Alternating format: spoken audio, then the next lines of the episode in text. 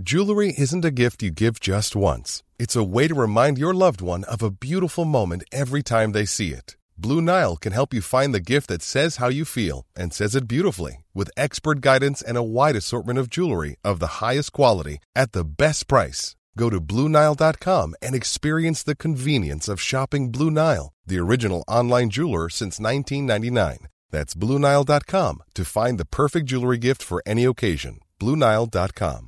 Hey, it's Ryan Reynolds, and I'm here with Keith, co star of my upcoming film, If, only in theaters, May 17th. Do you want to tell people the big news?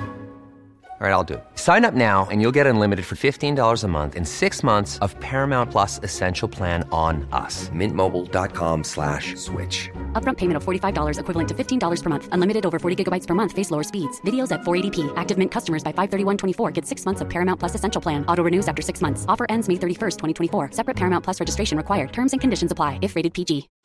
Since 2013, Bombas has donated over 100 million socks, underwear, and t-shirts to those facing homelessness.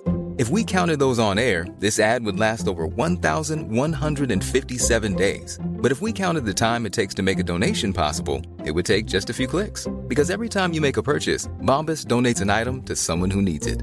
Go to bombas.com slash ACAST and use code ACAST for 20% off your first purchase. That's bombas.com slash ACAST, code ACAST.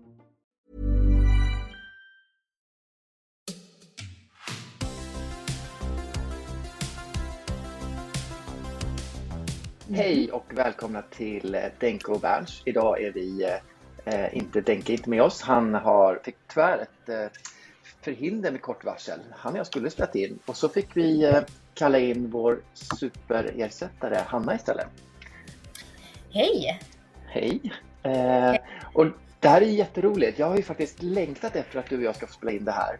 Ehm, så jag har varit på dig och tjatat lite grann då och då, men ehm, du vill ju bara leka med Sanna hela tiden. Så äntligen får jag chansen. Ja, eh, ja, det är frågan om det är jag som får med i killklubben eller du som får med i tjejklubben. Ja, jag vet inte. Nej. Nej. Eh, men ska vi börja med att berätta att du är ute, ute och far idag? Ja, jag är i Göteborg. Så om folk tycker att jag låter lite annorlunda så är det för att jag, jag kommer från Göteborg. Och sen är jag på Way Out West och jobbar och det är väldigt mycket goa gubbar här. Så då har jag liksom apat efter dialekten på ett sätt. Så eh, därför låter det lite konstigt. Men jag är på Way Out West och jobbar med festivalen här. Det är Jag sitter i jätteroligt. Jag, ja, alltså jag, jag känner nästan inte igen dig på rösten. Du låter helt som en helt annan person. Mm. Det kommer nog ändras under poddinspelningens gång också, så ni kommer få med på metamorfosen. Ja. För du har ju en väldigt Stockholmsdialekt i min värld. Ja, okej. Ja, jag vet inte. Jag, jag tänker inte på det själv såklart. Men eh, jag ska försöka och eh, eh, omvända dig då så att vi känner igen det här mot slutet. Mm. Mm. Vi, eh, vi, vi hoppas på det bästa eller det värsta, lite beroende på vad man eh, Ja, frågar. exakt. Men då kan man ju säga så här. Vi är som en sån här stor amerikansk radiostation nu som är lite coast to coast eh, sändning just nu. Exakt så. Och jag är i Kalifornien och du får vara det lite mer eh, old money upstate, tänker jag. Ja. New York. Typ. Eller lite, kanske. lite mera neon och lite kanske nere i eh, heter det, Florida någonstans där. Ja, Miami kanske. Mm. Har du en Ja. Miami-inspirerad klocka på dig? Eh, nej, det har jag inte direkt faktiskt. Eh, ska vi ta det direkt på en gång? Eh, lite, lite wristcheck. Jag har nämligen köpt något nytt som jag vill berätta för dig om. Oh! Jag har köpt, eh, nu skulle jag kunna spela lite grann på att jag varit inspirerad av Tjejklubben här, men jag har faktiskt köpt en Breitling. Ja, men Eh. det, vi tar all cred där, tänker jag. Ja, det, det får ni Mm. göra. Eh, jag har köpt en eh, Breitling Emergency. Åh! Ja. Kul komplikation. Ja, knäpp kompression. Jätteroligt Mm. knäpp. Eh, det kan vara berätta att en emergency är ju då komplikationen är att man kan, om man hamnar i nöd, eh, dra ut, det som ett par långa eh, ståltrådar som fungerar som radiosändare. Så sänder den på en nödfrekvens som jag tror är samma frekvens som i sjöfarts, eller det eh, kustbevakning och, och alla andra typer av räddningstjänster använder. Eh, Kanal 16. Ja, heter det så? Ja, frekvensen är någon så här 121,3 eller något sånt där. Eh, Och Mm. det står också på, på själva urtavlan. Men, Det är ju väldigt roligt för jag sitter ju omgiven av typ 200 komradioapparater. Så det Ah, är så- väldigt... Eh, så skulle jag vricka den här så skulle du kunna prata över, över den. Nej, det skulle inte säga. Eh, det är roligt med den här klockan också. Jag ska erkänna, det som verkligen fick mig att köpa den, det är att den också har en, eh, den kallas för kanjar, alltså en, en röd liten logga på urtavlan eh, som Mm. är som tillhör eh, sultanen av Oman. Ja! Vet du vad jag menar? Vilken typ av logga? Ja. Det ser ut som två Aladdin-svärd och någon liten dolk också tror jag, eh, i kors. Eh, så den, Det finns på eh, Cartier Santos finns det några sådana stycken Mm, i guld det- ja. samma logga. Precis, det finns lite olika märken. Det finns även eh, på både Rolex och Patek och eh, lite andra eh, märken. Så ja, jätte, jätteroligt tycker jag. Men alla Emergency har väl inte Canyon utan den Nej. du har har så. Ja, bara min har det. Jag har sett en till när jag liksom, eh, letat på nätet. så. Eh, Men eh, det finns däremot ganska många med olika typer av eh, så här, eh, loggor från olika... Ofta är det så här äventyrsloggor som de har tryckt på just den här emergencyn. Någon sån här luftballongsfärd och lite allt möjligt. Men det är ju ganska on, on. Exakt. Men då är jag ju nyfiken, hittar du den på auktion? Nej, jag hittade den på Kronor 24. Ah, Eh, ja, en eh, säljare. Ja, jag vet. En säljare i Italien, så jag tror han hade ropat in den på auktion tidigare. Och det är lite, Mm. lite tokigt kanske, för när man köper en sån här då ska man nämligen eh, flytta över ägandeskapet eh, så att man har ett kontrakt med Breitling att det är om nu jag skulle behöva eh, använda den här nödfunktionen, då vet de att det är jag som använder den. Eller jag tror egentligen att det är så att om jag missbrukar den så vet de vem de ska skicka räkningen för helikopterutryckningen till. Då, så att, eh, och den här, den behöver man flytta över från tidigare ägaren. Och eftersom han köpte den via en auktion så fick han aldrig den överflyttningen. Eh, men eh, jag vet ju att eh, Sannas kollega Georgios är väldigt duktig på de här och, och är, tror jag, man är godkänd för att eh, koppla upp dem eller skriva de här kontrakten eller om han bara vet hur man gör. Så jag tänkte jag ska be honom om hjälp och se om det går att lösa i alla fall. Eh, Ja, för det känns ju synd om den här italienaren om du rycker den i nöd och så får han värsta helikopterräkning. Eller så är det smart av dig. Eller så är det smart, ja precis. Jag har inte riktigt tänkt det klart där. Jag måste nog grubbla innan jag pratar med Georgios. Du får Ehm, hålla dig ur nöd så länge. Ja, faktiskt. Faktum är att jag har letat efter en sån här klocka ganska länge. Georgios har också. Nu pratar jag mycket om honom, men han är ju lite, jag ser upp till honom, det vet alla. Eh, och eh, hans, eh, eller tidigare så hittade jag en också med en annan logga på. Och då var det en logga från, jag vet inte om du kommer ihåg de här, de kallas för Blackwater, eller heter Blackwater. En liksom lite, vad heter det, privatarmé som härjade runt i eh, Mellanöstern, USA var där, i Irak och så. Lite kanske Det som... är lite som Wagnergruppen. Ja. Och jag vet, Jorgos skällde nästan ut mig. Han sa det här kan du inte, det här kan du inte köpa. De här är för, för tvivelaktiga i sitt liksom, beteende. De är ganska grisiga. De, de, eh, de var elaka när de höll på att härja där nere. Ehm, Ja, men jag, eh, jag googlade på dem nu. Mm. De heter Akademi idag. Okej. De rebrandade sig 2011 Ah, Eh, och det är gamla ex-Navy Seals. mm. Grundades 96. Och de Så är det är liksom, något Wagners-aktigt. ja men det är det. Och det, det som är lite symptomatiskt för alla de här, eller alla, men både Wagner och, och eh, Blackwater är ju att de var liksom väldigt skrupellösa. De, de försökte bara få uppdraget eh, utfört oavsett om de klev över alla, alla regler. Och det är det som är kritiken mot dem. Eh, Att de, Men de är ju Guns for Hire. Det är ju typ exakt så Mm. de fördomar man har om sådana gäng. exakt. Eh, Ja, så Nu blir det lite överdrivet möpigt här. Ja, jag men vet. jag fastnade för... eh, Men jag blev nyfiken på eh, Främlingslegionen. Mm. Alltså franska Främlingslegionen och eh, trillade ner i ett rabbit hole på internet om dem. Mm. Eh, och man kan ju skriva upp sig på dem. Och tydligen back in the day så de frågar, du får ju ny identitet när du joinar dem. Mm. Och det gör att alla dina gamla brott och sånt är inte med. Mm. Men eh, jag tror att de har uppdaterat sig lite efter den moderna världen. Så är du dömd för mord och såna här grejer så tar de inte emot det. Men skattebrott och lite så här smågrejer verkar man komma undan med fortfarande. Ja. Det är inte så mycket frågor. Men det är Så väl att, eh, eh, vad är det, femårskontrakt man skriver på när man skriver på för dem tror jag.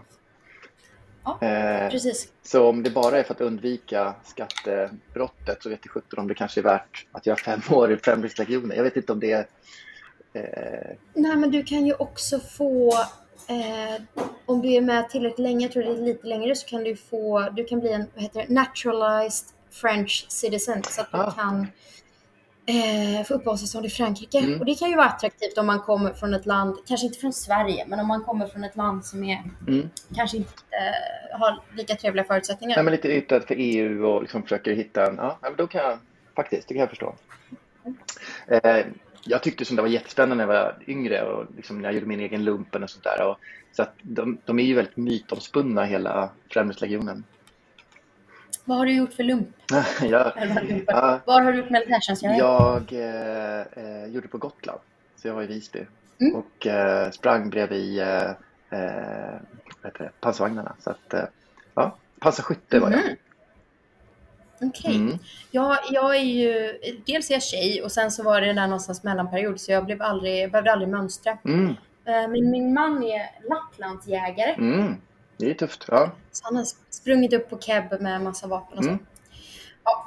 Eh, möpigt men ganska on-brand eh, Brightly tycker Ja. jag. Jag tror att, eh, att vara lite militär så, det är nog i linje med hur de försöker branda sig själv nu. ja, Liksom. men det är väl också en mix mellan militärer och sen har du de här lite yrkesgrupperna som piloter och eh, Ja. den typen också. För de har ju mycket sitt, eh, sina vingar liksom, som är viktigt också. Mm. För övrigt en av eh, mina, jag är faktiskt väldigt förtjust i deras Navitimer. Ja. De har ju, även de som säljs nu, tycker väldigt mycket om dem. Det, de, Eh, jag gillar nog mer historien. Jag, jag tycker inte att man kan... Eh, alltså alla de här eh, skalorna, det är så mycket som händer på tavlan så det blir ganska... Eh, alltså ingen kan ju använda de här skalorna. Eller? nej. Eller ja, inte de som köper dem Nej. i alla fall för 100 000 spänn på Biblioteksgatan. Nej. Nej, precis. Nej. Mm. Mm, men det är roligt att du har en Breitling. Ja. För jag, jag visste inte att jag skulle podda när jag tog på mig klockan i morse. Nej. Men jag har ju också en Breitling på Mm. mig. Eh, men jag har en Breitling-premiär. Eh, Ah. Som är deras eh, lite, En modern då, säga, jag, lite mer dressade. Den är från 98. Aha. Så, så, eh, också ett auktionsfynd. Eh, och den har kronograf. Mm. Ehm, 36,7 millimeter. är en bra Och så sitter den på ett NATO-band. Så den ser lite sportigare ut tror jag. Mm. Det är också en bra klocknördsignal kan jag säga. Att slänga på ett NATO. Mm. Mm. Det är det, okej. Eh, apropå det här med klocknördar. Eh, jag, igår så hängde jag i sambandscentralen med alla poliser och väktare Mm. här på Out West. Eh, Förlåt, får jag bara säga en sak innan du går vidare? vi- Jag gissar att 99% hade eh, G-Shock på bland poliserna och väktarna.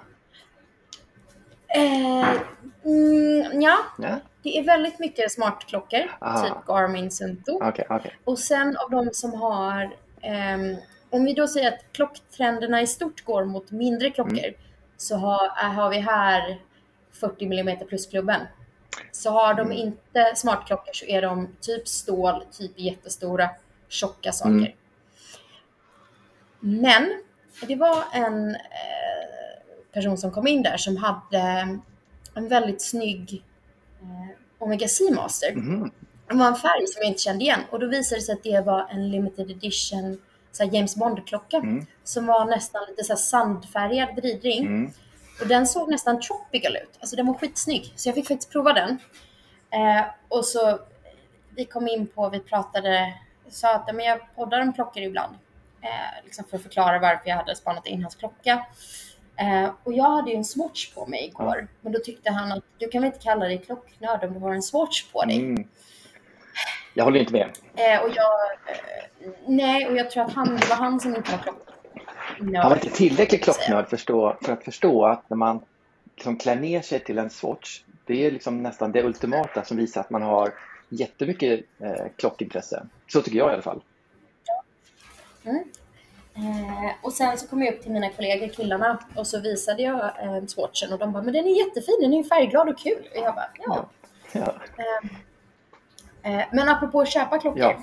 Eh, nu blir det väldigt egocentriskt kring våra egna klocksamlingar här. Så har jag ju faktiskt en klocka inne för påseende. Jag funderar på att joina sub 30 mm klubben. Mm. Eh, så jag har fått en eh, Seiko 5 Sport. Ah. Fast liksom damvarianten. Ah. Och i och med att jag i min klocknördande väldigt länge har varit, alltså fram tills den här våren så var min minsta klocka 45,5 mm och oftast hade jag på mig en Garmin Mm. som är 52. Så det är ett ganska stort steg, så jag jobbar mig neråt i storlekarna. Mm. Och eh, jag har gjort en poll på Instagram om jag ska behålla den och det verkar som att eh, publiken tycker att jag ska göra det. Så det blir nog att jag köper den faktiskt. Vad roligt. Hur känner du Mm. och nu kommer vi in på lite det som jag tänker att vi ska prata om sen. Hur känner du dig när du har en liten, kanske lite mera kvinnlig, om man nu får säga så, klocka jämfört i alla fall med Garmin och 50 mm och allting. Känner du skillnad? Ja, ja, ja, det är en liten identitetskris Mm. där. Eh, för jag har alltid liksom aktivt sökt ut om man säger det som stereotypt är herrmodeller och de större. Och den här är väldigt nätt, den sitter på läderband, den är i roséguld, eller alltså stål i roséfärgat. Och eh, kro- krokopräglat läderband. Ehm, och det känns ovant. Alltså det är väldigt, för det blir ett väldigt annat uttryck på armen. Eh, Jag tror att jag måste vänja mig. Men jag har ju kört Gateway här. Jag har kört väldigt mycket med min PRX-klocka under Ja. åren och den är 35 och ganska Ja. nätt. Så det, det, Men den är ju en sportig modell, ska jag säga. Den, är ju, den har ju någon form av... Eh, eh, men med den integrerade länken och så vidare så känns det ju ganska eh, mycket klocka ändå. Mm. Det här blir ju... Det här är ju lite mera eh, höga klackar och, och cocktailklänning än vad kanske PRXen är. Det är roligt att du pratar om det här, för vi, vi pratade ju faktiskt om dressade kontorsklockor. Mm. En, en bekant, jag tror att du är Instagram-vän med henne också, sa att man kan inte ha dykare på kontoret. Och jag är ju precis tvärtom, så jag har ju väldigt gladeliga dykare och stora klockor på Mm. kontoret. Och sen så kör jag gärna de mer dressade klockorna när jag kanske har jeans och t-shirt. Mm. För att få kontrasten. Ehm, och ja, det kan vi säga också, det var ju faktiskt 20 minuter som inte kom med i mitt och Sannas eh, Ja, avsnitt där. För att jag teknikstrulade. Ehm, men vi pratar om dressklockor, så jag tror kanske att jag har inspirerats av mig själv och Sannas och det snacket där. Att det kanske vore kul med något lite nättare. Mm. Så att, ja. Äh, Men det är väl kul att prova sig fram också och känna. Så kanske du känner efter 14 dagar att "Nej, det här var inte för mig. Ja, då får du liksom släppa den och så gå ett annat spår. Men jag tror man ska prova, provtrycka på lite olika sätt också. Eller på lite olika storlekar, lite olika modeller, lite olika typer av klockor. Det tror jag, det är så man lär sig vad man själv tycker om. Ja, ja men exakt. Och nu har det blivit så att jag har införskaffat ganska många klockor under våren. Ehm, men, och den jag köpte först och den som jag trodde jag skulle använda mest och som var väldigt on-brand för allting annat jag haft innan. Det är faktiskt samma klocka som du har, din sommarklocka, eh, en Pluto Mm. Ja. Moonswatch. Den har jag typ använt minst. Ah. Utan jag har ju snart gått på Swatchen och PRXen och nu Brightingen Ah. som i och för sig också är ganska Ja. sportig. Eh, du, jag har en liten Ehm. historia att berätta om min, om min Pluto Moonswatch-klocka.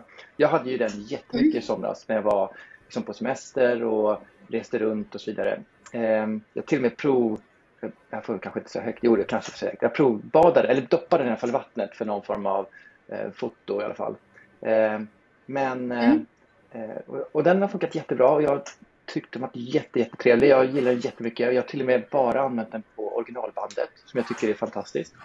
Eh, Jag har också Mm. originalbandet. jag vet inte, det är, många Mm. tycker ju att det inte alls är trevligt men för mig har den suttit perfekt och just det här, eh, ja, men den här kardborrsfunktionen som man kan verkligen sätta på precis på det, den, eh, så tajt man vill ha den just den dagen och så vidare. Men mot slutet av min semester så faktum var att jag skulle koka ägg och du vet hur man gör när man kokar ägg. Då använder man kronografen. Det är enda gången man använder kronografen. Så jag står där och kokar och när jag liksom ska klicka av då fastnar kronografen i något mittemellanläge. Ehm, ja, Nej. klockan går bra, den håller tiden perfekt, men kronografen har fastnat. Eh, då finns det lite knep man kan ta till. Man kan nämligen göra så här, om man drar ut kronan ett hack, då kan man liksom kalibrera kronogra- kronografen. Och den här sekundvisande kro- kronografen, den här stora liksom i centrum av sekunden, den kan man klicka Mm. fram med den övre ja, båda knapparna sitter på höger sida, men den övre knappen ovanför kronan. När man klickar fram den så den centreras. Mm. Och den undre knappen centrerar tror jag minut kronograf eh, eh, visan där. Men det funkade inte på min. Eh, jag, inte, inte med sekundvisan i alla fall. Och eh, då tog jag kontakt när jag kom hem. Tog jag kontakt med eh, Swatch så, så här i Sverige. Mm. Eh, för det är två års garanti på de här. Eh, så jag skickade in den till Swatch Group. Eh, och de sitter ganska liksom, centralt i Stockholm någonstans. Eh, vid Västermalmsgallerian tror jag att de sitter om jag kommer ihåg rätt när jag tänker efter. Eh, På Mm, Kungsholmen. precis, på Kungsholmen i Stockholm. Eh, och de eh, eh, ska kika på den och de sa att förmodligen så, jag tror inte de går in och lagar, det här är ju relativt billiga klockor om man jämför med mycket annat. Så får man en utbytesklocka. Ja. Så, ja. så nu testar jag liksom garantifunktionen eh, och det ska bli kul att se vad, det landar i. Eh, ja, så att min, Det, det vore väl ett uppsving om du fick en helt ny? ja, Alltså för visst köpte du din jag köpte begagnad, det stämmer. Ja. pre-loved? Eh, Det enda uppsvinget, jag ser den, de slits ju inte på något speciellt. Det är kanske att jag slipper byta batteri lite tid. Liksom, jag kan få en klocka med ett nytt batteri. Det, ja, men lite Några veckor. så. Ja. Det, ja, jag, jag gjorde faktiskt så att när jag skickade in den så skickade jag inte med eh, bandet. För jag tyckte så mycket, jag har liksom använt upp det här. Det liksom formats efter mig nu. Så att jag vill inte ha ett nytt band. För de, var, de är lite, de är lite Ja. stela i början. Eh, men apropå att du gillar bandet, jag har en teori här. Eh, de, för jag har en bekant som har en ljusblå sån och han har ganska stor handled och då är det ganska liksom mycket den här lurviga biten av cardboarden som Ah. sticker ut. Och när jag har den så Ja, täcks den över så det ser snyggare ut när man inte har så ja stor jag har ganska handled. tunn handled också. Så att det kan nog stämma det du säger. Ja. Ja, jag har inte bytt min heller för jag, det har varit så mycket andra bandbyten och jag trivs med den. Jag tycker att det är Mm. coolt liksom. Ehm, så att, eh, jag tror att jag kommer behålla det ett tag. Uh, Georgios har faktiskt varit på mig om att jag borde byta. Ehm, och visat uh, massa uh, fräna amerikanska hemsidor som har. Men, men vet Men, du vad? eh, Jag, ja, jag har faktiskt ett par band. Om du verkligen vill byta så kan du få ett par gummiband som jag har fått av eh, Samuel på Wrist Buddies. Eh, om du vill testa. Och de är ju just från Pluto liksom, med färg. En är lite vit eh, med någon struktur och en annan var lite röd eller jag kommer inte riktigt ihåg. Men, men ska det stämma med Pluto-färgerna. Så. Ja, men det, det är ju det roliga med dem att det har blivit så himla mycket tillbehör att det har blivit nästan en liksom Mm. subkultur. Vi, jag är ju med i en så här tjej WhatsApp-grupp ehm, som drivs av en ehm, person som heter Zoe Abelson som är ja, någon slags watchtrader extraordinär. Och hon förmedlar väl typ så här FB Journ och mycket Patek och mycket sånt. Eh, men det är i alla fall 150 tjejer i den här gruppen. Och det är rätt många som har jätte så här, fina klockor är väl fel att säga, men ska vi säga dyra grails. Det är mycket Royal Oaks och sånt. Men det är väldigt många som har också Moonswatches och som byter band och har sig. Jag tycker Så att, eh, även bland klocktjejerna Ja, så är jag tyckte, jag var ju nere eh, på semester var jag i Italien och där är det ju väldigt mycket klockor överallt. Och, och jag, tyckte, jag, jag träffar ju mycket klockintresserade människor där nere. Eh, och det var mycket Moonswatch generellt. Eh, överallt. Att den har blivit som en... Ja, men, du kanske signalerar lite grann att du har ett klockintresse när du har en sån. För det är ju rätt medvetet. Till skillnad mot kanske eh, mycket annat i samma prisklass som är, bara försvinner under radarn på något sätt. Och det är ju en kul snackis också. Så, Ja, men jag har Pluto, ja, du har Mercury, Ja. du har solen. Eh, att vilken man valde Ja, och varför. och det är liksom. ju oavsett egentligen Eh, om man så gillar att, eh, klockor. Man kan ju prata om de här planeterna och det eh, ändå. Alltså det, det blir en bra snackis med nästan vem som helst. Ja. Nej, jag är so far eh, väldigt happy med min. Jag fick hjälp av Jimmy på IFL Watches så han köpte ut, han langade den från eh, Ah, Watches and Wonders coolt. till mig. Ja, Och jag hade aldrig träffat honom innan så att jag, eh, jag vi var Instagram-bekanta och jag bara äh, köp en! Ja, han bara okej. Och Det är så roligt med det här med klock-communityt. Jag måste säga att man känner sig otroligt Ja. välkommen, även som ny. Att hela liksom klockvärlden, när man börjar prata, är så himla mm. öppna. Att man liksom hittar varandra.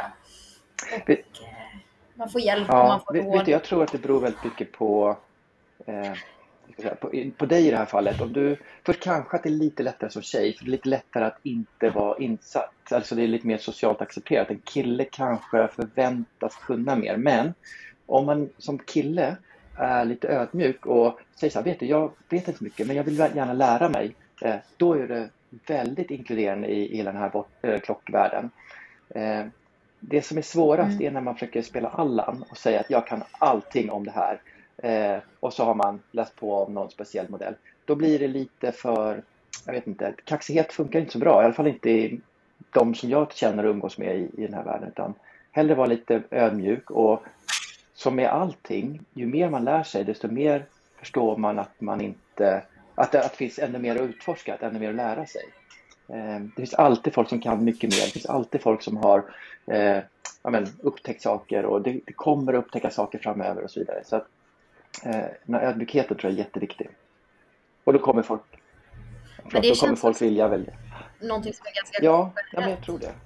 Alltså, så här, alla grejer är väl så. Man, så länge man är ödmjuk och eh, bara liksom frågar och att frågan kommer Ja. från a good place så det. brukar det vara. Ehm, nej men jag är väldigt tacksam. Jag har fått massa följare Mm. som är klockpersoner. Eh, och eh, ja, i takt med att jag har skrivit mer om klockor också. Och eh, jag och Sanna, det har vi pratat om i flera poddavsnitt nu, men eh, vi kommer komma ut med inbjudan till vårt klockevent. Det är i och för sig bara för tjejer. Eh, den 14 kommer vi nog komma ut med inbjudan Mm. officiellt sett. Eller 15, så nästa vecka. Och sen är eventet den 31 och det kommer vara på, eh, på Mm. Kaplans på kvällen. Där. Jättebra. Jättekul eh, på alla sätt. Eh, Mm. Vi ser till att sprida det i alla våra sociala kanaler. Både, Ja, för grejen är, får vi inte 30 anmälningar så kommer det inte bli av. Så det, det, ja, så det är Ja. kniven på strupen här. Eh, Så Ja. det, det var kul. Jag har faktiskt eh, gjort, de har ju, de har ju massa aktioner och jag hänger ju ofta på deras smyckessektion också, så jag har faktiskt gjort ett samarbete med dem idag eh, om moderna aktionen med smycken som kommer ut i helgen. Ja. Eller som klubbas imorgon. Ja, så det här avsnittet kommer vara släppt. Men eh, ja. Det här är ju riktigt kul. Jag fick en fråga här i, i veckan från en klockkompis som ställde frågan om smycken. Jag skickade direkt vidare till dig. Så det smittar av sig åt båda hållen faktiskt. Så även ditt smyckeskunnande eh, kunnande, eh, sprids ju i klockvärlden. ja, du vet. Eh. Cartier-smycken handlar det om. Ja. Mm. Ja. Eh, nej men de har ju faktiskt en helt fantastisk ring som från Cartier som är lite så one-off. Eh, inte one-off men så här, utropspriset är 1,2 miljoner så det är inte en av deras dussinprodukter som jag Mm. tipsade om. Ja. Eh, Får se om det är någon som köper den. Den är nog inte för alla och inte för alla budgetar. Men Alltså- ja. Det är det som är så roligt med både klockor och smycken. Du kan gå från Swatch till Och, ja, inget tak i, i. Men måste jag fråga, en ring då som kostar alltså 1,2 miljoner eller kanske utrop 1,2. Vad, eh, Mm. Använder man en sån ring eller är det, blir det en sån safe queen som i klockvärlden man låser in i kassaskåpet och så tar man bara fram den nästa gång den ska säljas? Och jag hoppas ju att någon använder den. Jag tror att just den här ringen, om du inte vet vad det är, så jag tror att det finns ju, Cartier har något som heter Love Bracelet som är väldigt så här, välkänt, som är liksom, det är ungefär som att gå omkring med en Rolex Datejust på armen. Den är väldigt stöldbegärlig, men den här är nästan så att den skulle kunna gå Ah, som bish ah. eller bijouterier då. Ehm, så att jag tror att man skulle komma undan med det. Men sen är det väl försäkring och sånt. Jag tror att man plockar fram det när det är riktigt mycket fest och man är i sammanhang där man känner sig lite... lite Du sparar till det. Nobelfesten. Det blir bra. Ja, precis. Ja. Nobelfesten och 50-årsfesten. Ja, Mm. men det leder oss lite grann in på en, ett ämne som jag skulle prata med dig om. Ehm, Och just det här med hur man Mm. använder sina, om vi går tillbaka till klockorna framför allt då, eh, och lite grann hur de uppfattas. Mm. För alla, alla vi som bär klockor, vi säger att vi har dem eh, för att vi tycker så mycket om dem, men vi har dem ju också för att vi vill ju signalera någonting. Vi vill ju visa att vi är, ja, men Mm. kanske om man har en, eh, pilotklocka så kanske man är, eh, håller på med någonting inom flyg eller är intresserad av flyg eller så liknande. Eller om man har ett... Eller, eller önskar att man gjorde det. Eh, eller som jag då som har köpt en eh, Emergency. Jag vill ju att folk ska tro att jag är en äventyrare och eh, att jag eh, äventyrar någonstans i Oman kanske som den har det här märket också.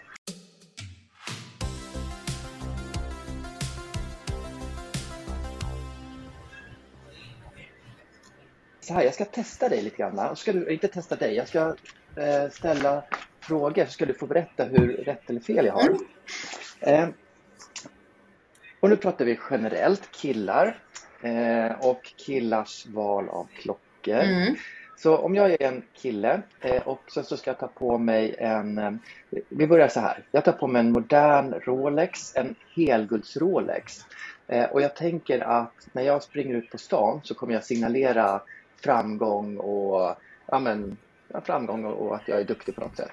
Va, när du ser en kille eh, vi kan liksom bara säga att man har ganska neutral klädsel. Det kan inte vi dra till. Han kan vara välklädd i kostym och ha den här guldrolexen. Vad är din signal som når fram till dig då? Alltså just välklädd och kostym så blir jag ju lite, då blir jag, om det är framförallt om det är en ny Rolex så blir jag lite så här, hmm. Det, framförallt om det är på gatan i Stockholm skulle jag säga, så blir man lite mm. så här, eh, det är som att köra en lite för stor bil det blir lite, ursäkta uttrycket, liksom kukmätarklocka. Så jag blir mm. ganska skeptisk ganska genast. Är den vintage så tror jag att jag mm. drar ner på fördomarna lite. Och så tänker jag, uppenbarligen går det ändå bra för personen men de har ändå gjort ett medvetet val och letat lite och kan lite.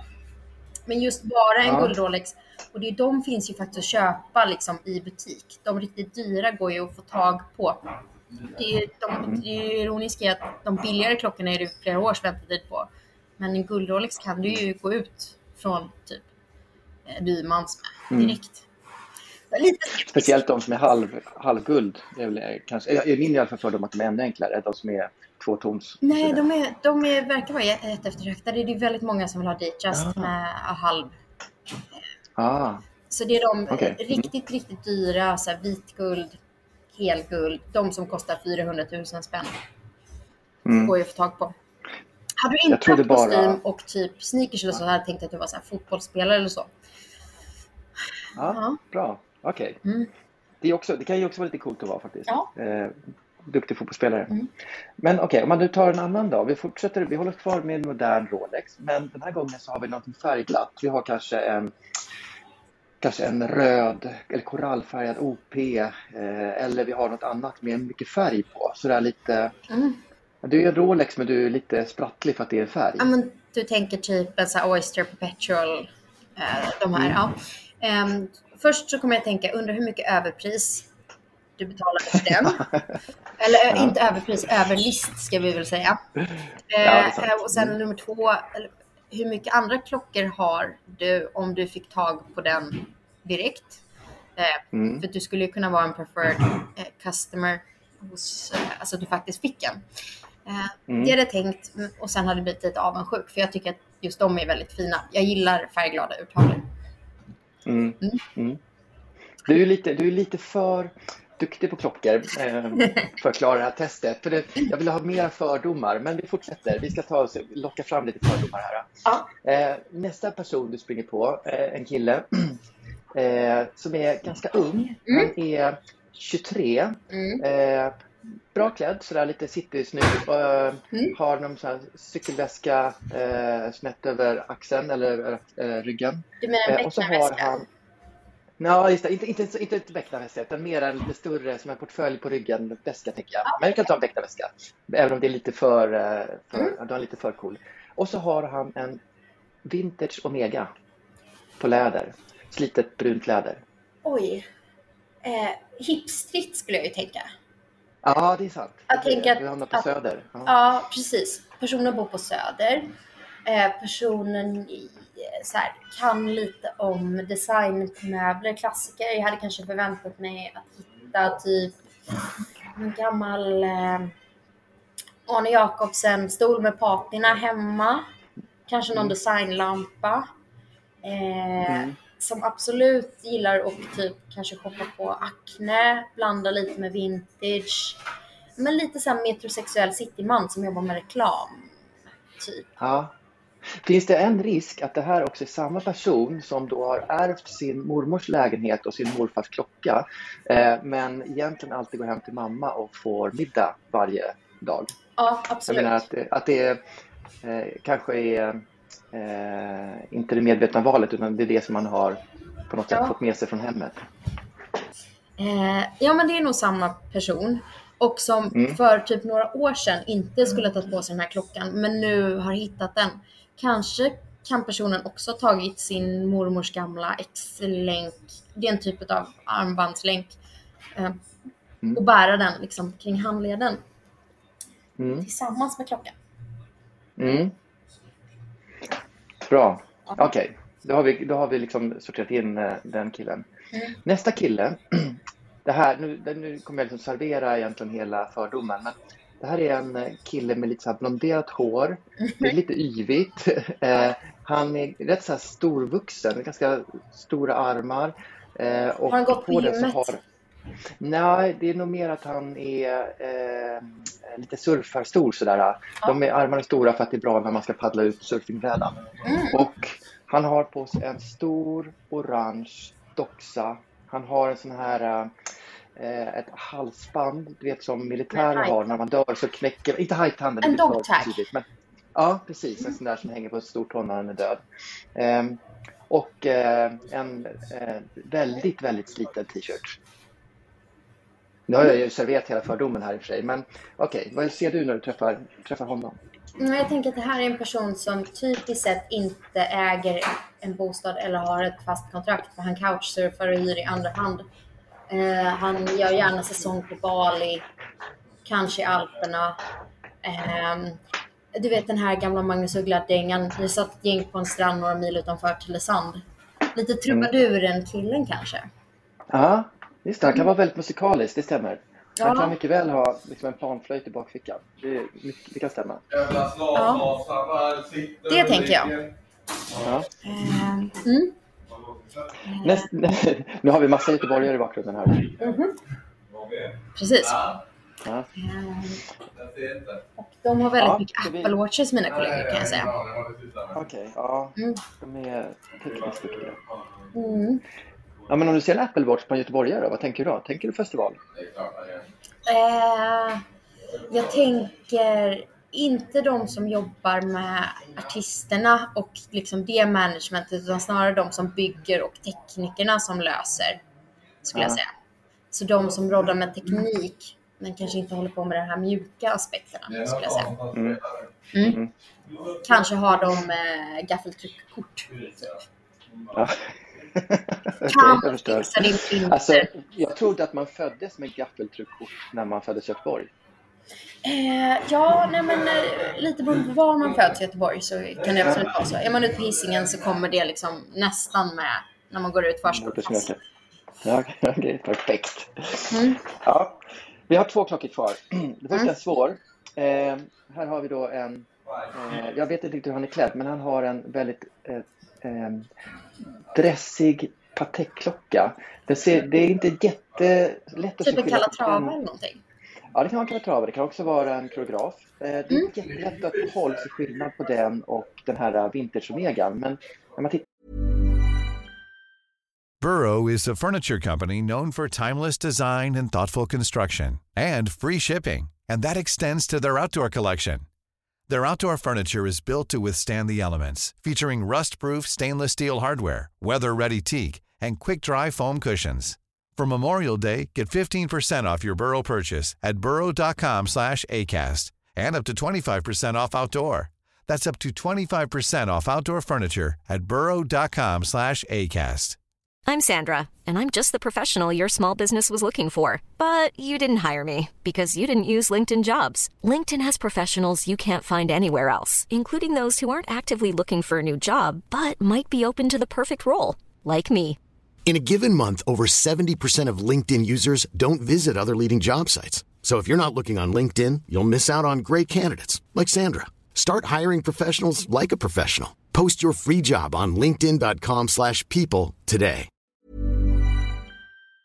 Tittar närmare så ser man att det är en, eh, kanske något gammalt eh, eh, guldigt och eh, eh, dyrt. Jag tänker ju immediately då old money och så tänker jag ju snarare Östermalm än Södermalm om vi ska vara så Stockholmscentrerade. Ja. Eh, tänker jag. Och så tänker jag att du kanske har fått den när du eh, tog studenten ifrån Sigtuna eller Mm. så kanske du varit i Schweiz på några av de här skolorna som kostar en kontantinsats per år att gå på. Mm. Eh, jag tänker att du eh, semestrar absolut inte i Thailand, du semestrar i Saint-Tropez. Mm. Kanske på Amalfikusten. Eh, Mm. Kanske lite Portofino. Det kanske är en del eh, Loro Piana i garderoben. Eh, så inga så synliga varumärken och loggor utan bara Mm. if you know you know. Mm. Tänker jag. Rakt igenom på något sätt. Ja. Mm. Du förstår viben? Ja. Mm. Sista, den kanske viktigaste då. Eh, så kommer en helt vanlig kille med en eh, eh, Moonswatch på armen. Eller tjej. Nej, kille får du säga bara. Du får väl... Mm. Ja. Eh, nej men då, det har vi ju redan pratat om. Jag, då tror Ja. jag att det är en, en, det är lite som en, så här, en färgglad swatch. Jag tror att det är en klockintresserad person som har många andra, kanske dyrare eh, klockor. Eh, personen har ändå gjort lite av en effort för att få tag på den här klockan i och med att de inte Mm. bara går att köpa utan man måste hitta dem. Ehm, så att Det, vet du, om jag får bara bryta. Det tror jag är en av de viktiga delarna varför de är så populära. Att de är svåra att få tag på. Det, så gäller det för mycket saker. Men att man får, man får anstränga sig för att få tag på dem. Mm, precis. Mm. Men det är inte bara det här, nästan alla andra klockor, ja nu kan man ju köpa dem second hand, men nästan alla andra klockor kan man ju bara kasta ännu mer pengar på och få tag på. Alltså Mm. har du tillräckligt mycket pengar kan du få tag på vilken klocka som helst och du kan vända dig till så här, klockbrokers som kan hitta Mm. i princip vad som helst. Eh, men här har du ändå fått liksom, göra the legwork eh, själv. Mm. Eh, sen hade, det här är nog en person som jag hade typ pratat med och bara så här, kul, jag har också en. Vad, vad, vad roligt liksom. Varför valde Ja. du den vägen? Ja. Mm. Vilken fånig planet ser du? Pluto är det coolaste, eller hur? Ja, exakt. Ja. Ja, Du, ja, vet, vet, vet du vilken som är den mest populära av, klock, av eh, de den, där- Moonswatch? den, svarta, den. Är det, Mm. Mercury är den bruna va? Svarta, är det Moon? Moonswatch? Ja, jag tror att det är Moon som är svart. Som ser ut som en riktig. Jag tror att det är därför den är poppis. Ah, Svart och grå va? Mm. Mm. Eh, det tror jag. Men jag, Pluto verkar inte vara så poppis. Jag fick faktiskt frågan, varför valde du den? Var det den enda som fanns kvar? Jag bara, nej, jag gick aktivt in och valde den. För jag Ja. gillade det vinröda. Ehm, sen de som inte verkar vara lika poppis, det är den typ den rosa. Det är nästan bara tjejer som har den rosa och den här babyblå.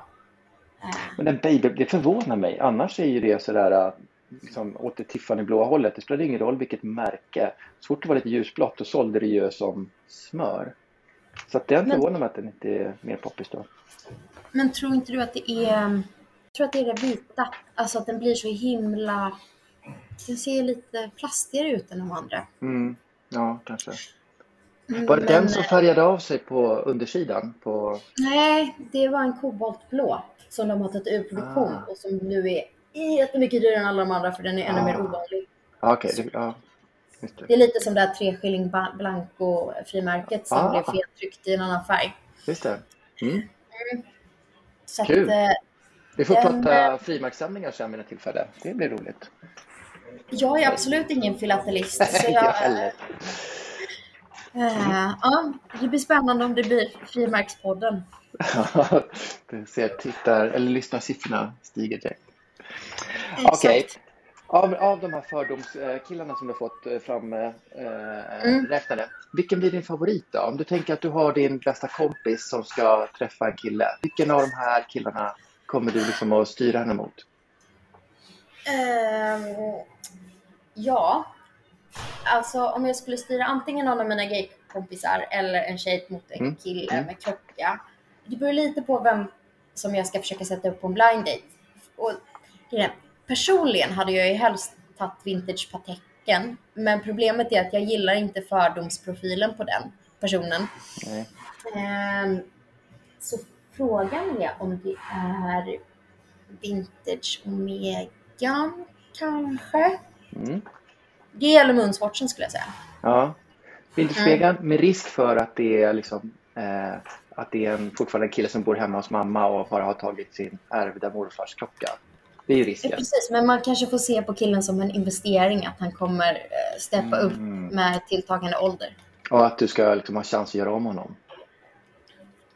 Precis.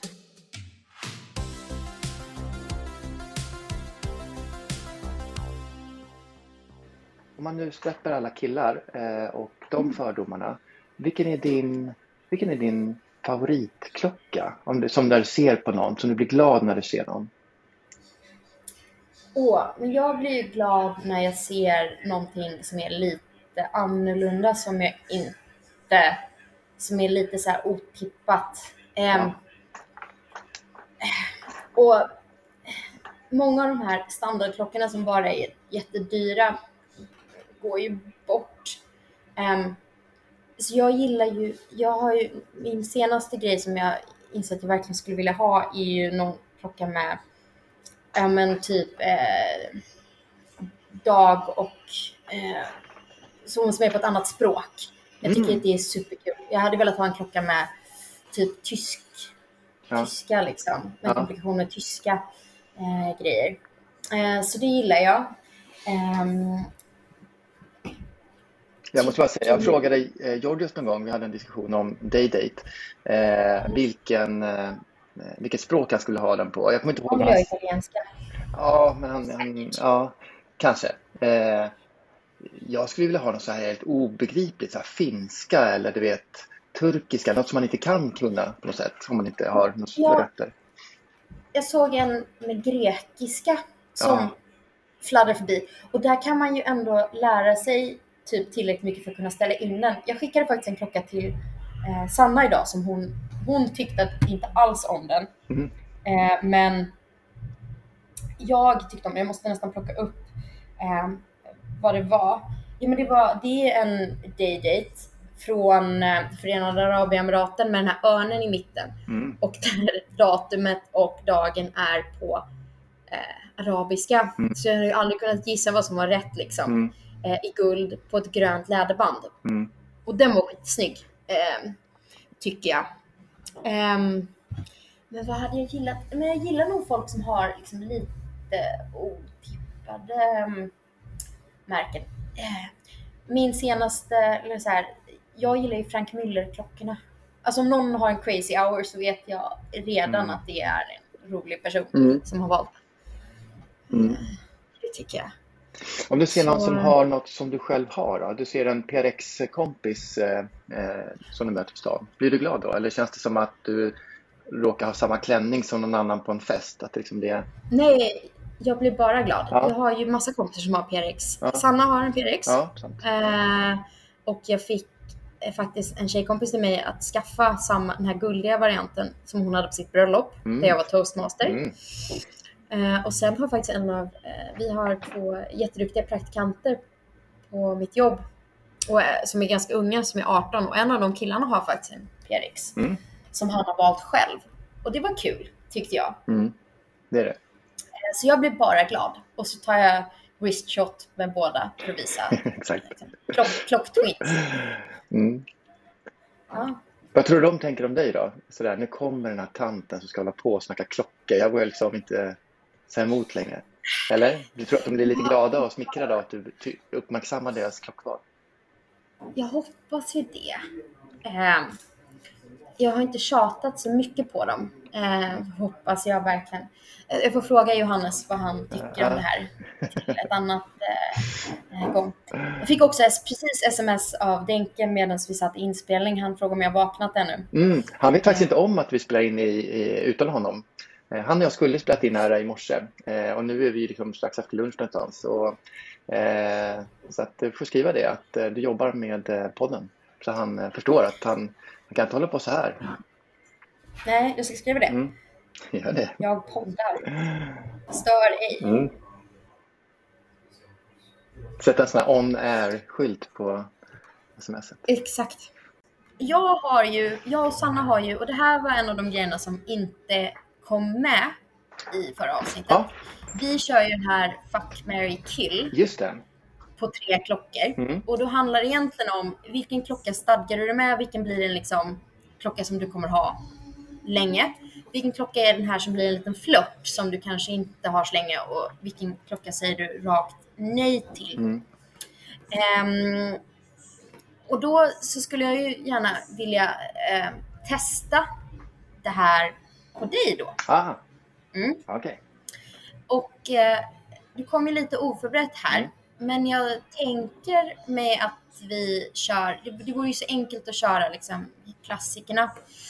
Ehm, så jag ska försöka vara lite mindre förutsägbar. Men får jag bara fråga, jag- måste man välja en fuck och en marry och en kill? Eller får man ta alla kill? Eller all... Nej, du måste, du, du, du måste välja en av varje. Okej. Men då får jag reda på alla tre klockorna först innan jag sorterar, eller? Eh, Ja, precis. Och sen får du liksom ranka dem i det här. Mm. Eh, och i och med att du sa G-Shock Japp. så tänker jag att vi, vi tar med den. Ja. Eh, och sen så vill jag eh, ta med en Garmin-klocka. En stor, riktig sån här. Du får reda på puls och du får steg och du kan få allt och lite till. Mm. Eh, och sen vad ska vi ta för tredje klocka? Ja, men vi, jag tror att vi kör på en, en, en färgglad liten swatch. Eh, vad kul. Eh, jag kan väl börja med att säga att jag äger alla tre, eh, nästan. Eh, Mm. Om vi börjar med Garmin. Nu, har jag nu är jag ju en Sunto-kille. Så jag, Garmin har jag ju liksom inte Okej. släppt in i mitt hus. Men jag kanske har 10 Sunto, ungefär. Eh, och de flesta är ju Mm. jättestora. Det är ju sådana som har haft när, när man har hållit på att springa och simma och allting. Eh, Ja. Jag, eh, jag kan berätta så här, för att liksom nästa in hela svaret. Så I somras när jag var på semester så tappade jag min mobil i mitt i Medelhavet någonstans. Den ligger på djupet någonstans kvar. Ja. Eh, och det var lite problem. Vi hade ganska långt kvar innan jag skulle åka hem. Så jag kunde liksom inte, även om jag köpte en ny mobil kunde jag inte få in ett simkort för det hamnar ju hemma på hemadressen och så vidare. Så, och bank-id och allt sådär. Så jag, jag levde två veckor utan mobil. Eh, ja. och det är Skönt. jätteskönt. Det är vissa saker som jag har som, eh, ja men du vet, ibland så går man och kollar hur många steg man har gått eh, per dag senaste veckan och sånt där. Allt det här var helt ute. Alla mina träningsrunder som jag alltid loggar. Eh, helt plötsligt så sprang jag utan att logga, vilket också var en väldig frihet på något konstigt sätt. Så med det så ska jag säga att Garmin blir min kill. Jag vill inte bli loggad. Jag vill inte följa upp, jag vill inte veta min puls eller, eller någonting. Utan jag vill vara eh, eh, utan det. Analog. Ja, precis. Och framförallt ovetande eh, om det. Eh, för det har jag märkt, på mig i alla fall, skapar mer stress än det skapar liksom glädje. Så Garmin, kill. Eh, Jag måste ju flika in här då. Jag hade ju på min Garmin för att jag loggade allt och det blir som en stress att man måste logga allting Ja. hela tiden. Men sen när jag började samla på fler klockor så klädde jag mer på mig klockor för att jag tyckte de var fina och fick då inte uppnå alla mina steg och alla mina mål och alla hela tiden. Och det var ganska befriande att slippa Ja. det. Så jag är med dig. ja. Ehm, Eh, sen kommer till nästa. Eh, och då tror jag att jag ska börja prata om Swatch. Jag har en Swatch sen jag liksom var jätteliten, eller jätteliten, jag gick kanske i mellanstadiet. Eh, och eh, det jag minns var att man liksom köpte de här och sen så kanske man bytte armband med en kompis Swatch och lite så här. Man, man plockade ihop dem lite grann som eh, eh, Åh, vad Ja, det mysigt. var någon sorts kompisrelation byggande klockäventyr. Ja, på något sätt. Eh, och den har jag kvar. Jag tror, jag tror till och med att den inte har några armband kvar för att det har jag väl liksom slarvat bort på vägen. Men, eh, men den skulle jag säga är nog tyvärr bara flirten. Vad var det? Eh.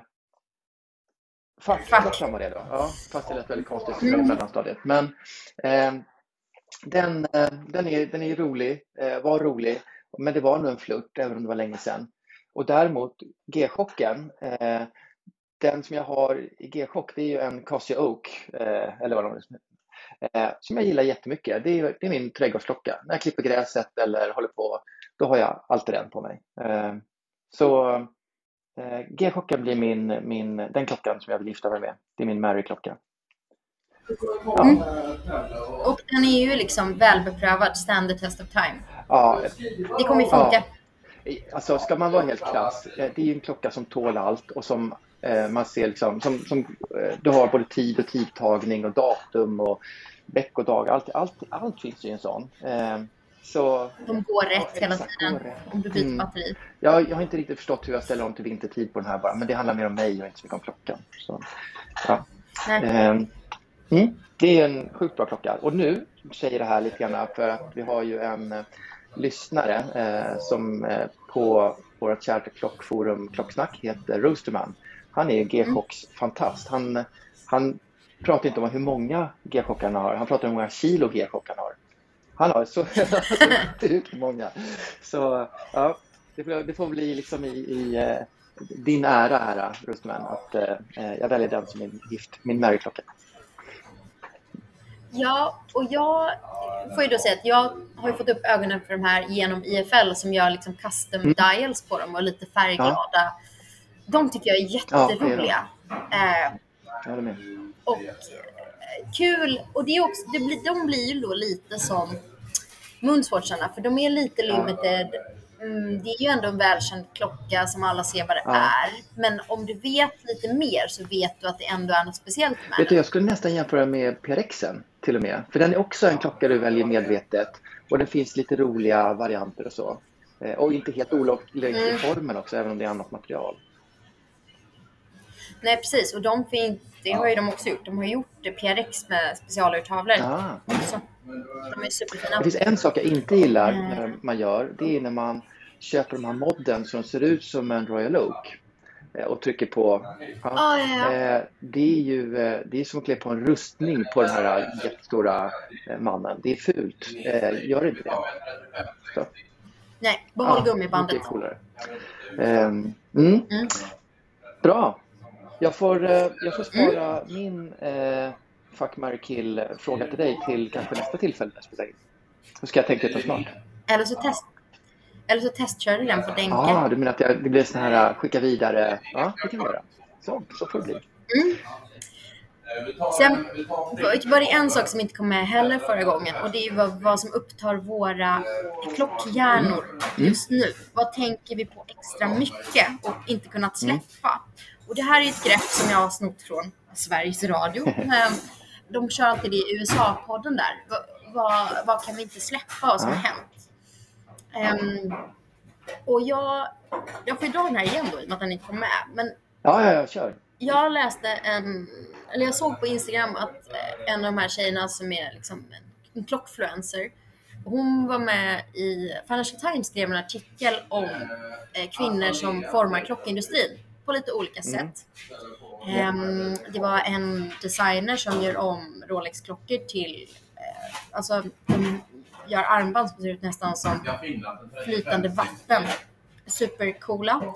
Um, det var en av de här klocktradersarna som jag pratade om som är den här gruppen. Um, en kvinna som är style editor på Houdinki. Och mm. en, då var det också The Collector och då var det en det är en 24-årig tjej som heter Jacqueline Lee. Hon är nog eh, eh, från Kina från början. Och pratar man om hennes klocksamling och hur hon har liksom tagit sig an och samlat på sig så många fina klockor. Och jag vet inte om jag bara är avundsjuk, men jag blev fascinerad för hon har typ så 6-7 Cartier, hon har inklusive de här lite mer speciella, typ Crash, hon har väldigt mycket Patek, eh, så perpetual calendar-stuk. Och hon berättade att hela hennes klockintresse började med att hon fick en yachtmaster, en, en Rolex yachtmaster när hon kom in på Harvard av sina föräldrar. Och sen så skulle hon köpa till sin mamma en present när hon fyllde 50. Knatade in på Patek som man gör. Och hon bara, det var det dyraste jag någonsin köpt. Och man bara, ja det köper jag. Och sen började hon samla själv. Och jag blev så här, var fick hon pengarna ifrån? Vad jag imponerad av. För hennes klocksamling måste vara värd miljoner. Och nu senast hade hon fått in en custom-klocka från Kari Voutilainen som är en finne som sitter i Schweiz. Mm. Jag tror att han gör 30-50 klockor per år. Den var supervacker med riktigt fint så här emaljarbete på tavlan. Och som man... Eh, men jag är bara så nyfiken på eh, vad kostar det att få en sån klocka? Så att, ja, det låter ju som avundsjuka, jag hör ju det eh, egentligen. Jag har någon sån här bild av att Kari Voutilainen är en sån man kan inte bara gå och köpa en klocka utan det blir lite grann som att eh, du måste nästan bli utvald för att få köpa den också. Eh, Ja, men hon hade ju väntat i tre år. ja. ja. Och då Mm, tror jag inte det handlar om... Eh, ja, men jag tror inte heller det handlar om att det är en sån här gammal klassisk Rolex-kö, att du skriver upp det och hoppas att de ringer. Utan jag tror det handlar om att du under den tiden får bevisa att du är någon som... Eh, Är värdig. Ja, men liksom, man kan utföra och verkligen använda den så som det är tänkt och inte ha den som en trofé eh, bland kompisar bara, utan att det är någon som verkligen tycker om klockor. Mm. Nej, men så, det, det upptar min klockhjärna lite så här fascinationen över folks olika klocksamlingar. Jag kan säga det, hon ehm, driver ju också en klockpodd som heter The Waiting List Ja. eh, tillsammans med en annan eh, tjej som är Hongkong-baserad tror jag. Ehm, som verkar vara Royal Oak-fantast. Eh, och som eh, är special friend med Audemars och får köpa dem på löpande band. Liksom. Häftigt. Så eh, mm, eh, där blir också så här, men ska klockvärlden bara vara för folk med jättemycket pengar? Och det var då jag tänkte att min Swatch igår, att så här, det är ju för någon som tycker att om man inte har en klocka för 150 000 eller upp så är man inte med i klockklubben och det tycker jag är helt fel. För att jag Mm. tycker att man kan köpa allt möjligt bara för att det är kul liksom. Ja. Så länge det finns en tanke. Ja. Men det är väl problemet kanske med klockor och även när man kommer till smycken att de allra finaste, mest åtråvärda, det är klart att de är jättedyra. Eh, och det är svårt att, eh, att skapa en jättefin samling utan att lägga ner jättemycket pengar. Och då är det väldigt få som har möjligheten eller viljan att göra det. Så det, jag tycker det är ett problem. Det, eh, men, men det finns mycket annat. Så mm, om man nu lyfter blicken lite grann och vågar tänka vad man själv tycker. Eh, då tror jag att man har lättare att hitta saker som är roligt och liksom våga köpa nytt eller halvnytt och sånt som kanske inte är jättepoppis just nu men jag köper för att jag gillar det. Då hittar du en egen samling och behöver inte vara jättedyrt. Då behöver du inte eh, ja, lägga ner miljoner eller mer på det. Nej, precis. Man kan ju blanda och ge. Alltså, det är klart att man har... Saker kommer att vara dyrare och saker kommer att vara billigare. Liksom. Mm. Eh, Nu har inte jag några jättedyra klockor, men jag har ju klockor som är betydligt dyrare än en Swatch. Liksom. Mm. Men det är liksom en, det här är lite roligt att du säger. Eh, om jag liksom tar över ämnet, eh, vad det är som upptar mitt, mitt, liksom, min klockhjärna just nu. Så inför podden med, med Denke som skulle ha spelat in idag så har jag gått, läst ett par artiklar om marknadsutvecklingen senaste tiden. Och, eh, bland annat har Boston Consultants Group skrivit en artikel och ytterligare någon annan som jag har läst igenom här. Och det är sånt som vi hade tänkt att jag vi skulle diskutera han och jag. Eh, så just det här hur ekonomi och eh, klocksamlandet hänger ihop. Och, både för att kunna köpa men också att värdet på din klocksamling och eh, hur det här eh, rör sig och beter sig eh, på gott och ont. Eh, så, så mm, i mitt huvud är det lite grann i samma värld, just det här med ekonomi och klockor. Eh, ja. Ja, men det är alltså, pengar blir alltid laddat och det är otroligt intressant. Liksom. Och sen Mm. så är det också problematiskt för att dyra saker blir stöldbegärliga och klockor är ganska lätta att sno. Det är svårt att sno en dyr bil för att den är stor och tung och Ja. har massa säkerhetsgrejer. Ja. Men också det här att i takt med att klockor har ökat så mycket i värde så har ju folk fått upp ögonen för dem och att de har blivit mer stöldbegärliga. Ja, vilket verkligen. är liksom problematiskt. Vi, eh, Sanna och jag har en bekant. Eh, han hade sin klocka hos sin bror och de fick inbrott. Så Mm. då snodde de hans Rolex GMT Root Beer Oj. och hans brorsas Batman och lite andra klockor. Ja, Eh. Mm, och som tur var hade de skrivit upp serienumren och så, så att de håller ju utkik och så spred de det liksom i, ja, bland sina polare som är klocknördar. Mm. Ehm, för att se så att den i alla fall kommer den upp på krona 24, liksom, det här numret, så Mm. anmäl det. Alltså jag hoppas att han, den kommer hitta tillbaka till honom, men det är ju hemskt liksom. Ja, nej, verkligen. Jättetråkigt. Och, eh, det är det som är ja, men det, det man är rädd för då när man har klockor. Eh, att, eh, ja, men tänk att få, få in, eller bli rånad, ja, både förstås, men ännu värre hemma i hemmet. Eh, bara Mm. för Alltså jag vet inte, själv- själva upplevelsen tror jag är det som jag är mest rädd för i ett rån. Att bli av med saker, det är skitsamma, det är bara saker. Men just upplevelsen och eh, utsattheten, den, är ja, den känns otrevlig.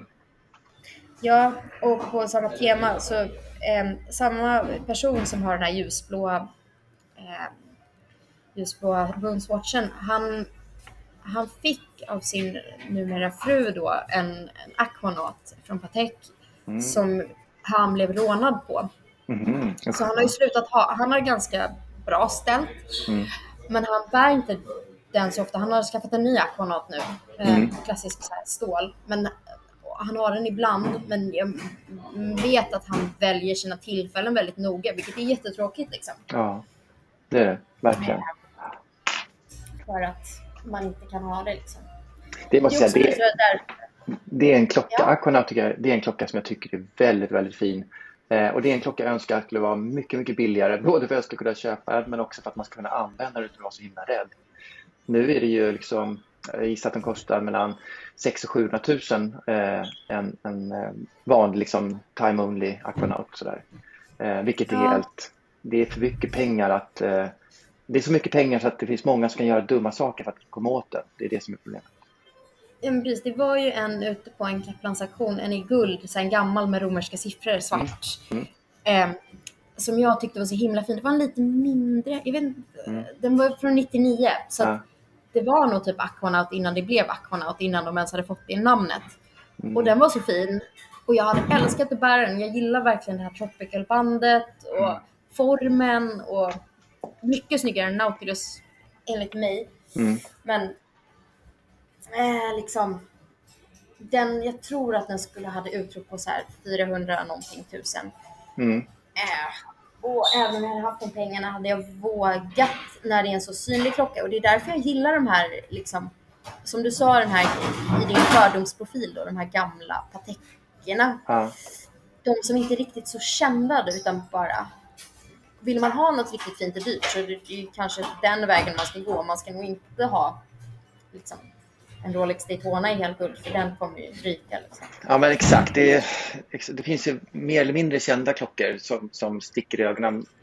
Eller sticker, som, som tjuven har lättare att upptäcka. Och, eh, jag kan väl säga, just den klockan du pratade om, den finns fortfarande kvar. Eh, den blev aldrig såld eh, och den eh, ligger faktiskt på Kaplans butik som, till försäljning just nu. Så hoppet lever. Du kan fortfarande köpa den.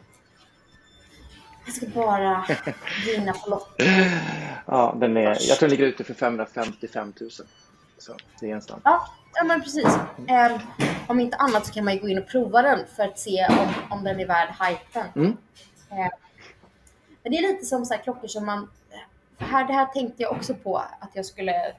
Så här, eh, det kommer jag att prata om på det här klockanetet. Så här, de här klassiska modellerna, alltså så här, är de värda hypen? För jag kan bli störa mig lite på när det blir så mycket att man bara köper klockor för att det är den som är inne just nu. Mm. Eh, bland alla modeinfluencers så är det att ha en, en liten, liten pantär typ. Ja. är väldigt inne från Car- Cartier.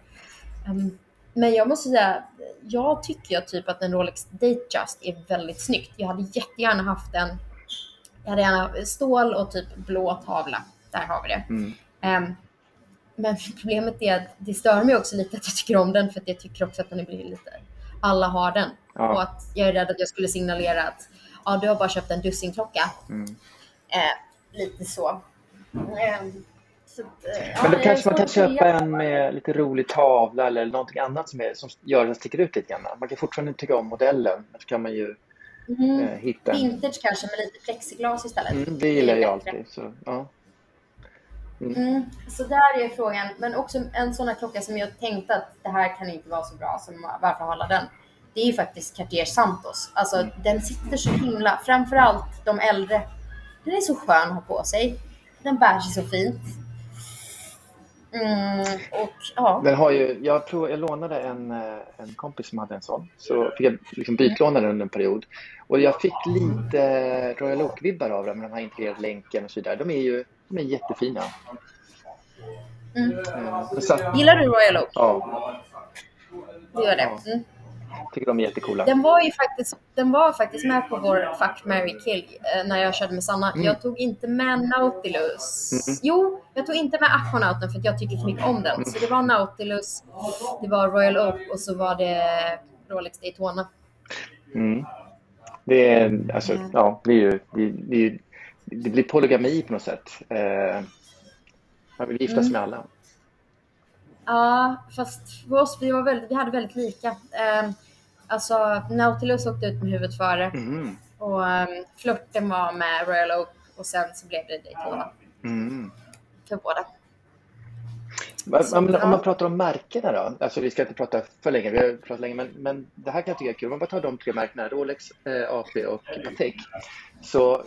symboliserar de väldigt mycket olika de symboliserar väldigt mycket olika för mig. Där Rolex är kanske mm. det här uh, lite uh, det är lite, som är lite trendigt och så bland de som kanske inte har jättebra koll. AP är kanske, eh, den har ju sin profil men eh, är ändå eh, det är en smalare kundkrets som bär AP än som bär Rolex, väldigt tydligt.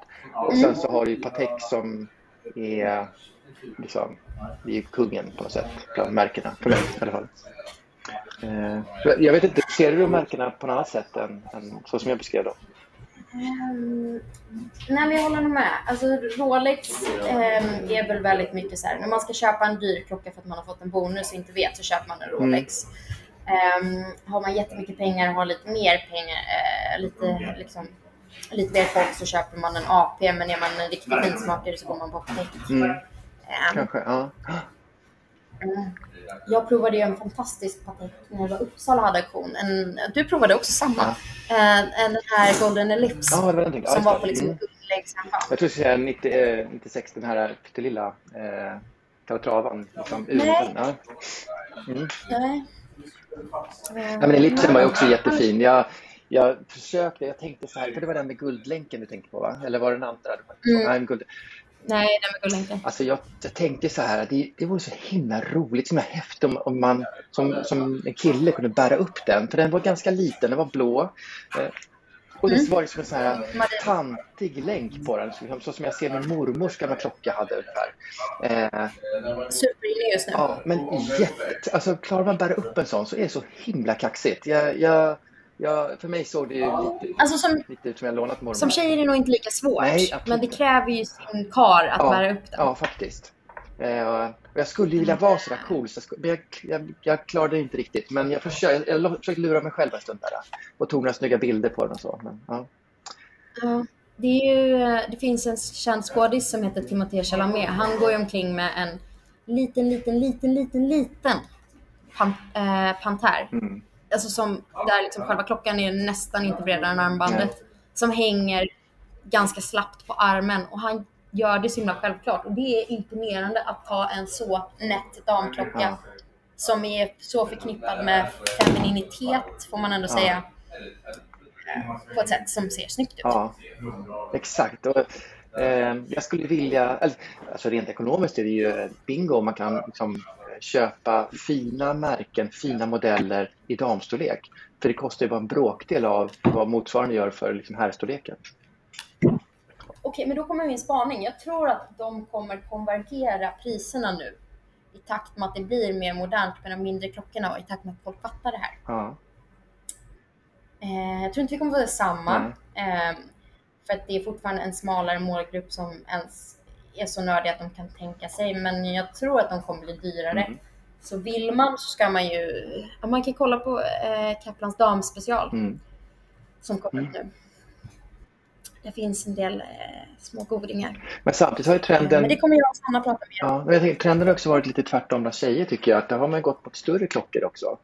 Eh, ja, men den klassiska dam eller cocktailklockan som var liksom en millimeter stor. Nu är man helt uppe, plötsligt uppe och liksom nosar på killstorlekar på 36, 38, 40 och så vidare. Mm. Men eh, det kanske också är en trend som svänger lite fram och tillbaka.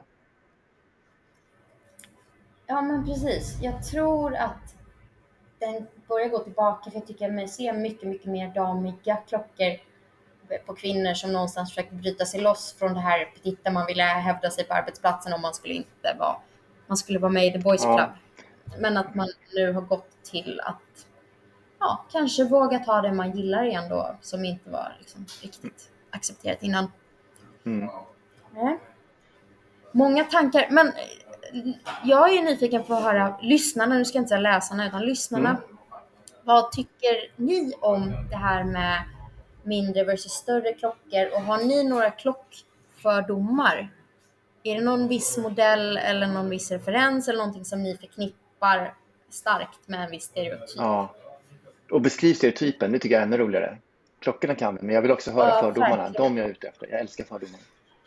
Ja, precis. Skit i att beskriva klockan, utan bara beskriv. Har du en sån här klocka så är du den här personen. Ett referensnummer på fem, åtta siffror och sen så bara massa med fördomar. Det är perfekt.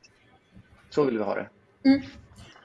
Och sen, eh, jag, tyck, jag som är så ny i klockan, jag har inte koll på referenserna så man kan ju skriva liksom eh, namnen ja. ja. lite så. Det kan man få göra. Ja, men det är väl en jättebra avslutning med en liten lyssnarfråga. Eh, jag tycker att vi eh, knyter ihop säcken och eh, eh, jag tycker att jag har lyckats med mitt viktigaste uppdrag idag. Det är att åter stockholmifiera dig. Så nu känns det som du är hemma igen. Nu känner vi igen dig.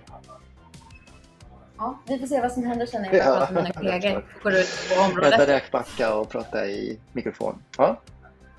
Jag tror till och med Håkan Hellström spelar, men han spelar imorgon. Då, då blir det göteborgare igen. Ja. Ja, det låter jättehärligt. Ta hand om hela västkusten så tar jag hand om hela östkusten. Ja, taget. Och så syns vi när du är tillbaka i stan. Det gör vi. Ha det bra. Bra. Hej då.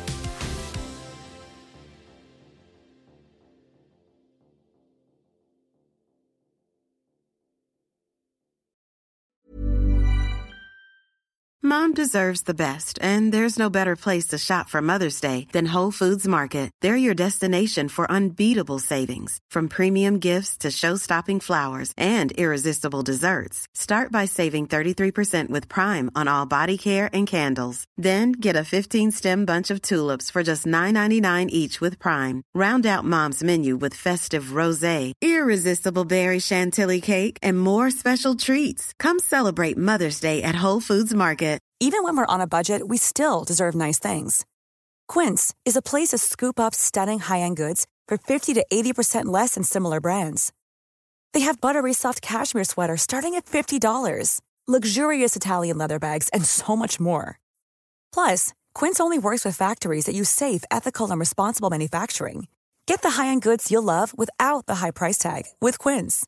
Go to quince.com/style for free shipping and 365-day returns. Mom deserves the best, and there's no better place to shop for Mother's Day than Whole Foods Market. They're your destination for unbeatable savings, from premium gifts to show-stopping flowers and irresistible desserts. Start by saving 33% with Prime on all body care and candles. Then get a 15-stem bunch of tulips for just $9.99 each with Prime. Round out Mom's menu with festive rosé, irresistible berry chantilly cake, and more special treats. Come celebrate Mother's Day at Whole Foods Market.